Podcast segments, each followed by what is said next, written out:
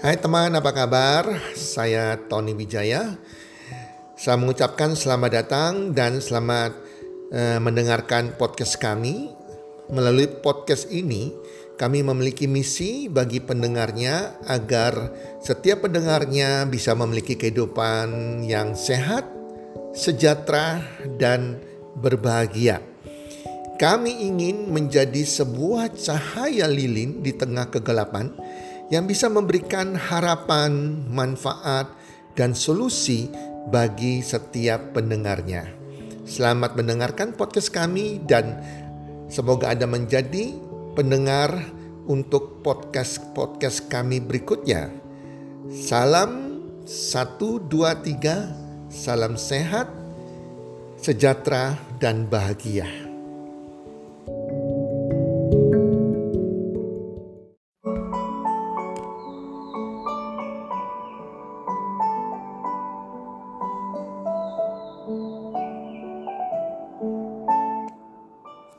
Menjadi magnet uang. Hai para pendengar podcast di mana pun Anda berada, apa kabar? Harapan dan doa saya semoga teman-teman pendengar semuanya, sahabat podcast, semua dalam keadaan sehat walafiat, berbahagia bersama keluarga dan makin bertambah rezekinya dari hari ke hari. Para pendengar, saya mau bertanya, siapa yang tidak suka uang? Ayo, siapa yang tidak suka uang? Ada yang mengatakan bahwa uang tidak bisa buat kita bahagia. Menurut saya, justru tidak punya uang akan membuat kita makin tidak bahagia dan makin membuat keadaan kita, keadaan kehidupan kita makin menyedihkan. Uang penting bagi kehidupan. Jika tanpa uang, kita nggak bisa makan, jika tanpa uang kita nggak bisa beli pakaian, jika tanpa uang kita nggak bisa beli rumah, kita nggak bisa beli mobil, kendaraan. Jika tanpa uang kita tidak bisa beli obat untuk membiayai kesehatan kita, jika tanpa uang kita nggak bisa sekolah atau kuliah atau membiayai anak-anak kita untuk sekolah dan kuliah. Jika tanpa uang kita juga nggak bisa membantu orang lain yang kurang beruntung. Jika tanpa uang juga kita tidak bisa memberikan kehidupan yang baik dan kebahagiaan bagi orang-orang kita cintai. Kita nggak bisa membantu orang tua kita juga jika kita tanpa uang. Jika tanpa uang juga kita tidak bisa berkontribusi untuk bangsa dan negara. Jadi semua orang butuh uang. Jangan alergi tentang uang. Memang uang tidak bisa dibawa mati, itu kata beberapa orang. Tetapi uang bisa memberikan jaminan kehidupan dan kebahagiaan bagi anak cucu orang-orang yang tercinta yang kita tinggali pada waktu kita mati atau meninggal. Ada yang mengatakan bahwa uang yang punya uang orang kaya belum tentu bahagia. Orang punya banyak uang belum tentu bahagia. Jika orang yang tidak punya, yang orang yang banyak uang tidak bahagia, apalagi orang yang tidak punya uang, betul tidak? Uang tidak bisa memberikan kita kebahagiaan, betul. Tetapi tanpa uang, kita lebih parah, kita tidak akan bahagia. Banyak masalah-masalah keluarga, 90% kehancuran karena masalah uang. Masalah tidak punya uang. Pada waktu pacaran mungkin belum terpikir. Semuanya yang dilihat cinta. Setelah menikah kita tidak makan cinta. Semua kehidupan kita, kita makan nasi, kita melewati kehidupan kita, membiayai anak sekolah, itu butuh uang, bukan butuh cinta saja. Itu fakta dan realita kehidupan. Menurut saya jika hari ini ada orang-orang yang berkata bahwa, oh saya tidak butuh uang. Ada beberapa teman saya mengatakan, oh saya nggak butuh uang. saya tertawa saja. Menurut saya, orang-orang mengatakan tidak butuh uang, ini adalah orang-orang yang tipe orang-orang yang menghibur diri sendiri. karena keadaan mereka memang tidak punya uang sebagai alasan mereka saja.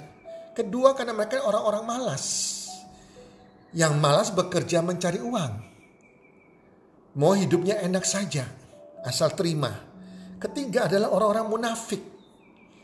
Di sekitar kita banyak orang-orang munafik, teman-teman ya. Saya tidak munafik. Saya perlu uang. Saya suka uang. Dengan uang saya bisa membahagiakan keluarga saya, saya bisa mewujudkan impian dan keinginan saya. Saya suka uang, saya suka uang, benar-benar suka uang. Tetapi saya tidak mencintai uang, itu bedanya. Yang saya cinta adalah Tuhan dan keluarga. Para pendengar podcast, hari ini saya akan mengajarkan Anda, kita akan belajar bersama tentang bagaimana menjadi magnet uang. Sehingga uang mendatangi diri kita kalau Anda mau menjadi magnet magnet uang, ya, Anda bisa menarik uang kepada diri Anda seperti magnet layaknya diri Anda. Perbaiki hubungan Anda dengan uang. Uang ibarat saya ini seperti manusia. Jika Anda bertemu dengan seseorang, jika Anda suka seseorang tersebut karena sifatnya, maka terjadi pertemanan persahabatan yang erat. Tetapi jika Anda tidak suka dengan orang tersebut, demikian juga orang tersebut tidak suka dengan Anda karena sifat dan karakter Anda, maka akan terjadi penolakan, tidak terjadi persahabatan. Uang juga demikian, ibaratnya seperti manusia. Kita bisa menarik uang itu ataupun bisa menolak uang tersebut. Uang tersebut juga bisa tertarik dengan kita sehingga mau berteman dengan kita ataupun bisa menolak berteman dengan kita.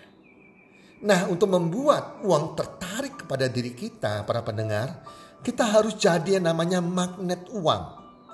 Untuk menjadi magnet uang, kita semua, Anda harus tahu sifat-sifat uang.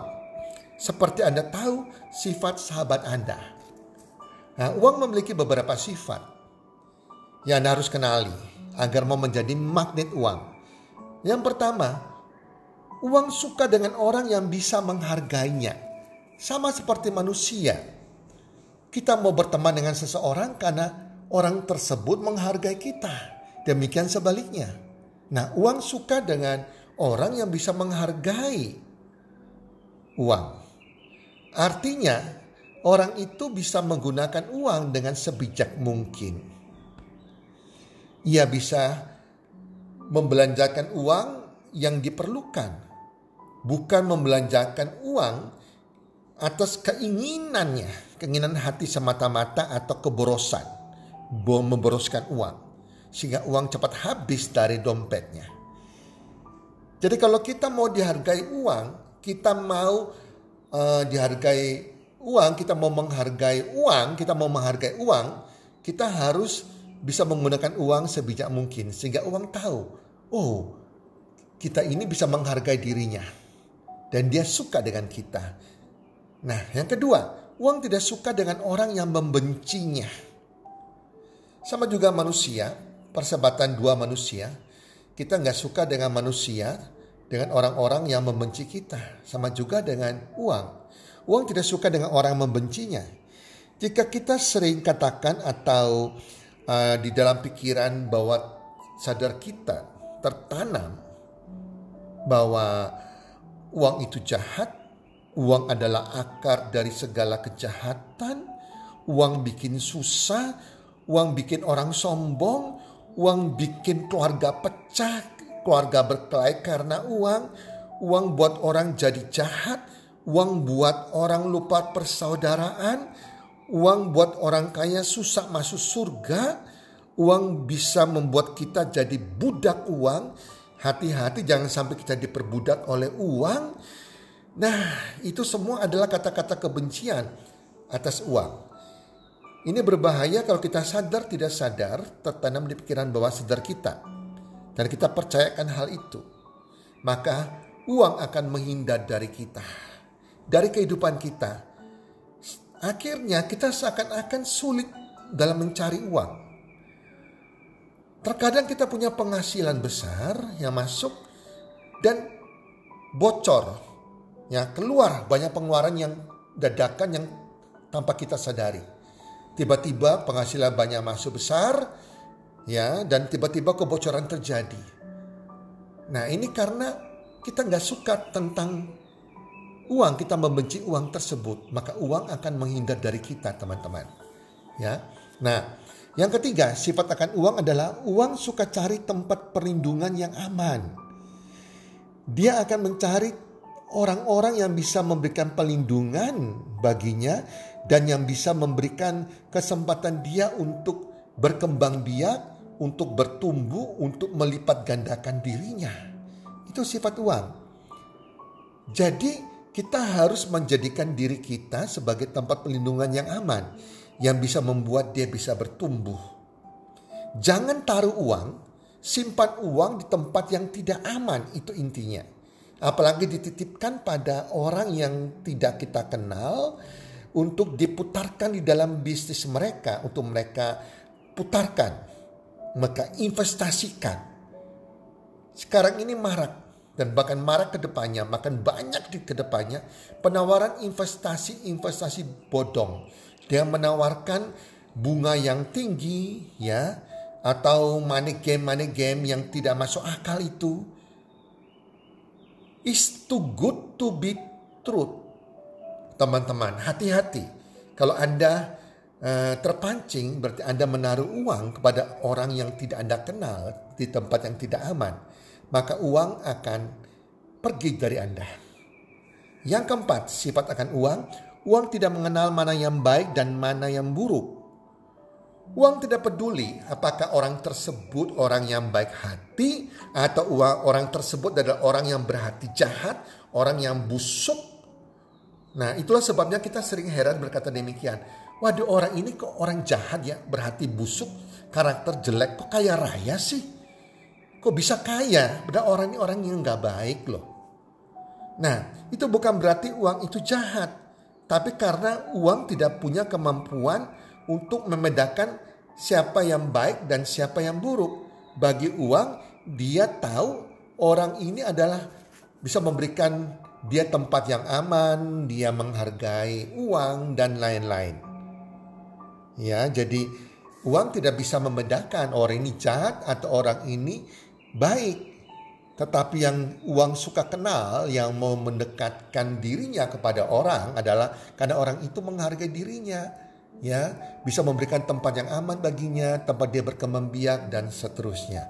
Yang kelima, uang benci dengan orang yang serakah.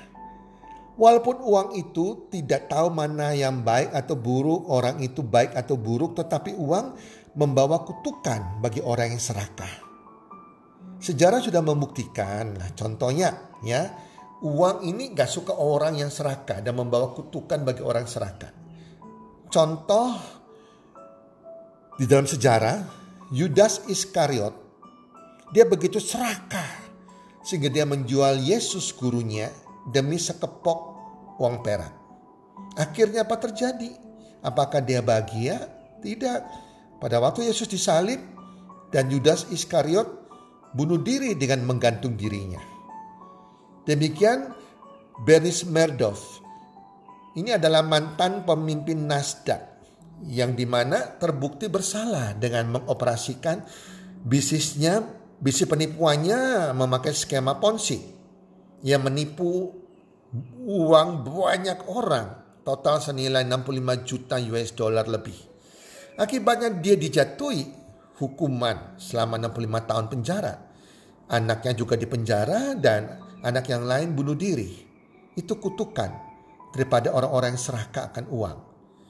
Ketika orang menjadi serakah, orang tidak akan memutuskan sesuatu yang berbahaya bagi keamanan uang. Dan uang itu akan pergi dari kehidupannya. Karena uang tersebut tahu ia dalam posisi yang tidak aman. Contohnya, orang serakah yang membuat uang tidak aman adalah orang penjudi. Tidak ada orang penjudi yang kaya raya.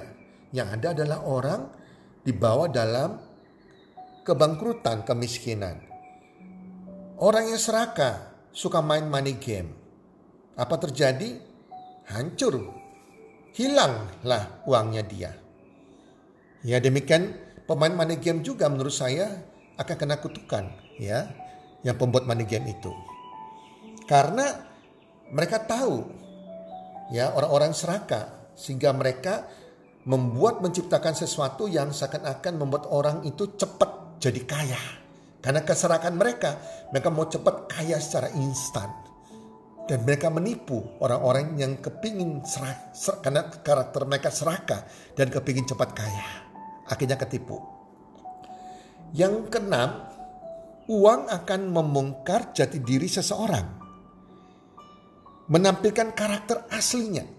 Jadi karakter asli seseorang itu akan terbongkar ya, dibongkar oleh uang. Uang punya kemampuan membongkar jati diri seseorang, membuka karakter yang sebenarnya. Jadi uang itu bukan setan, tapi uang bisa membongkar orang-orang berhati setan. Misalnya, saudara sekandung awalnya berkumpul dengan baik, tapi begitu tahu orang tuanya meninggal bisa rebutan warisan. Sifat aslinya keserakannya muncul, setannya dalam diri mereka muncul. Saling rebutan warisan. Orang yang begitu kaya, dia jadi arogan. Muncul sifat aslinya sombong. Suka main perempuan, suka berjudi, suka mabuk-mabukan. Dan korupsi. Nah, bukan karena uang yang mengubah diri mereka. Tetapi karakter aslinya mereka terbongkar dibongkar begitu adanya uang. Saudara kandung ada se, ada orang yang saya kenal. Lima bersaudara kandung kebongkar karakter saudara-saudara kandung ini yang munafik, yang bilang nggak matre segala macam karena masalah uang. Sehingga bisa putus hubungan persaudaraan karena masalah uang. Yang ketujuh, Uang menyukai orang yang bekerja keras dan melihat peluang yang benar. Uang sangat benci dengan orang yang malas, yang tidak mau bekerja keras dan ingin cepat kaya secara instan. Sehingga mereka sering jadi korban penipuan. Ya, jadi hati-hati, uang suka menghampiri orang yang bekerja keras. Itulah sebabnya orang-orang kaya saat ini kalau kita telaah, mereka adalah orang-orang miskin dulunya yang mau bekerja keras, yang mau berdamai dengan uang, mereka bisa mengerti tentang sifat uang, mereka bersahabat dengan sifatnya uang tersebut. Mereka memberikan tempat yang aman bagi uang tersebut. Dan mereka bisa ditunjukkan peluang yang benar. Tetapi orang yang tidak suka bekerja keras, mereka akan melihat peluang-peluang yang tidak benar yang akan membuat mereka hancur. Nah, yang kedelapan, uang adalah bagian dari representatif kehidupan kita di masa lalu. Jika masa lalu pada waktu kita miskin, kita hidup susah. Pada saat ini kita menjadi kaya, punya banyak uang, kita cenderung pelit. Itu merepresentatifkan kehidupan kita masa lalu. Jika masa lalu kita dari dulu miskin sudah boros, maka pada waktu kita punya banyak uang, kita juga makin boros. Nah, kalau jika masa lalu kita pada waktu kita miskin kita tidak dihargai orang, ya, pada waktu kita sudah kaya raya dengan punya banyak uang, kita bisa memberikan orang orang-orang uang untuk menghargai kita. Saya kenal dengan satu bapak yang di mana dulu lama sekali di mana uang parkir cuma mungkin parkir mobil hanya sekitar 500 rupiah waktu itu. Si bapak ini yang dulu miskin karena tidak dihargai orang lain. Dia mau orang respect, respect sama dia termasuk tukang parkir respect sama dia. Parkir hanya 500 rupiah dia bisa memberikan 100 ribu uang parkir itu. Itu karena merepresentatifkan kehidupan dia sebelumnya. Orang yang masa lalunya suka beramal, waktu dia miskin kekurangan juga suka beramal, dia makin kaya, dia akan beramal makin banyak. Itulah para pendengar, uang sifatnya sama dengan manusia. Ia suka sekali dihargai, ia suka orang berikan tempat yang aman, orang yang bisa memberikan, dia bertumbuh melipat gandakan dirinya, dan ia benci pada orang-orang yang rakus serakah. Suka akan uang adalah hal yang baik, tapi jangan cinta akan uang. Yang kita cinta adalah Tuhan yang merupakan pemilik sumber dari segala rejeki, segala berkat, segala uang di dunia ini. Itulah teman-teman, semoga Anda memahami sifat-sifat uang dan kita semua bisa menjadi magnet uang untuk mencapai kehidupan kita lebih baik ke depannya. Semoga bermanfaat dan salam sukses, sehat dan sejahtera.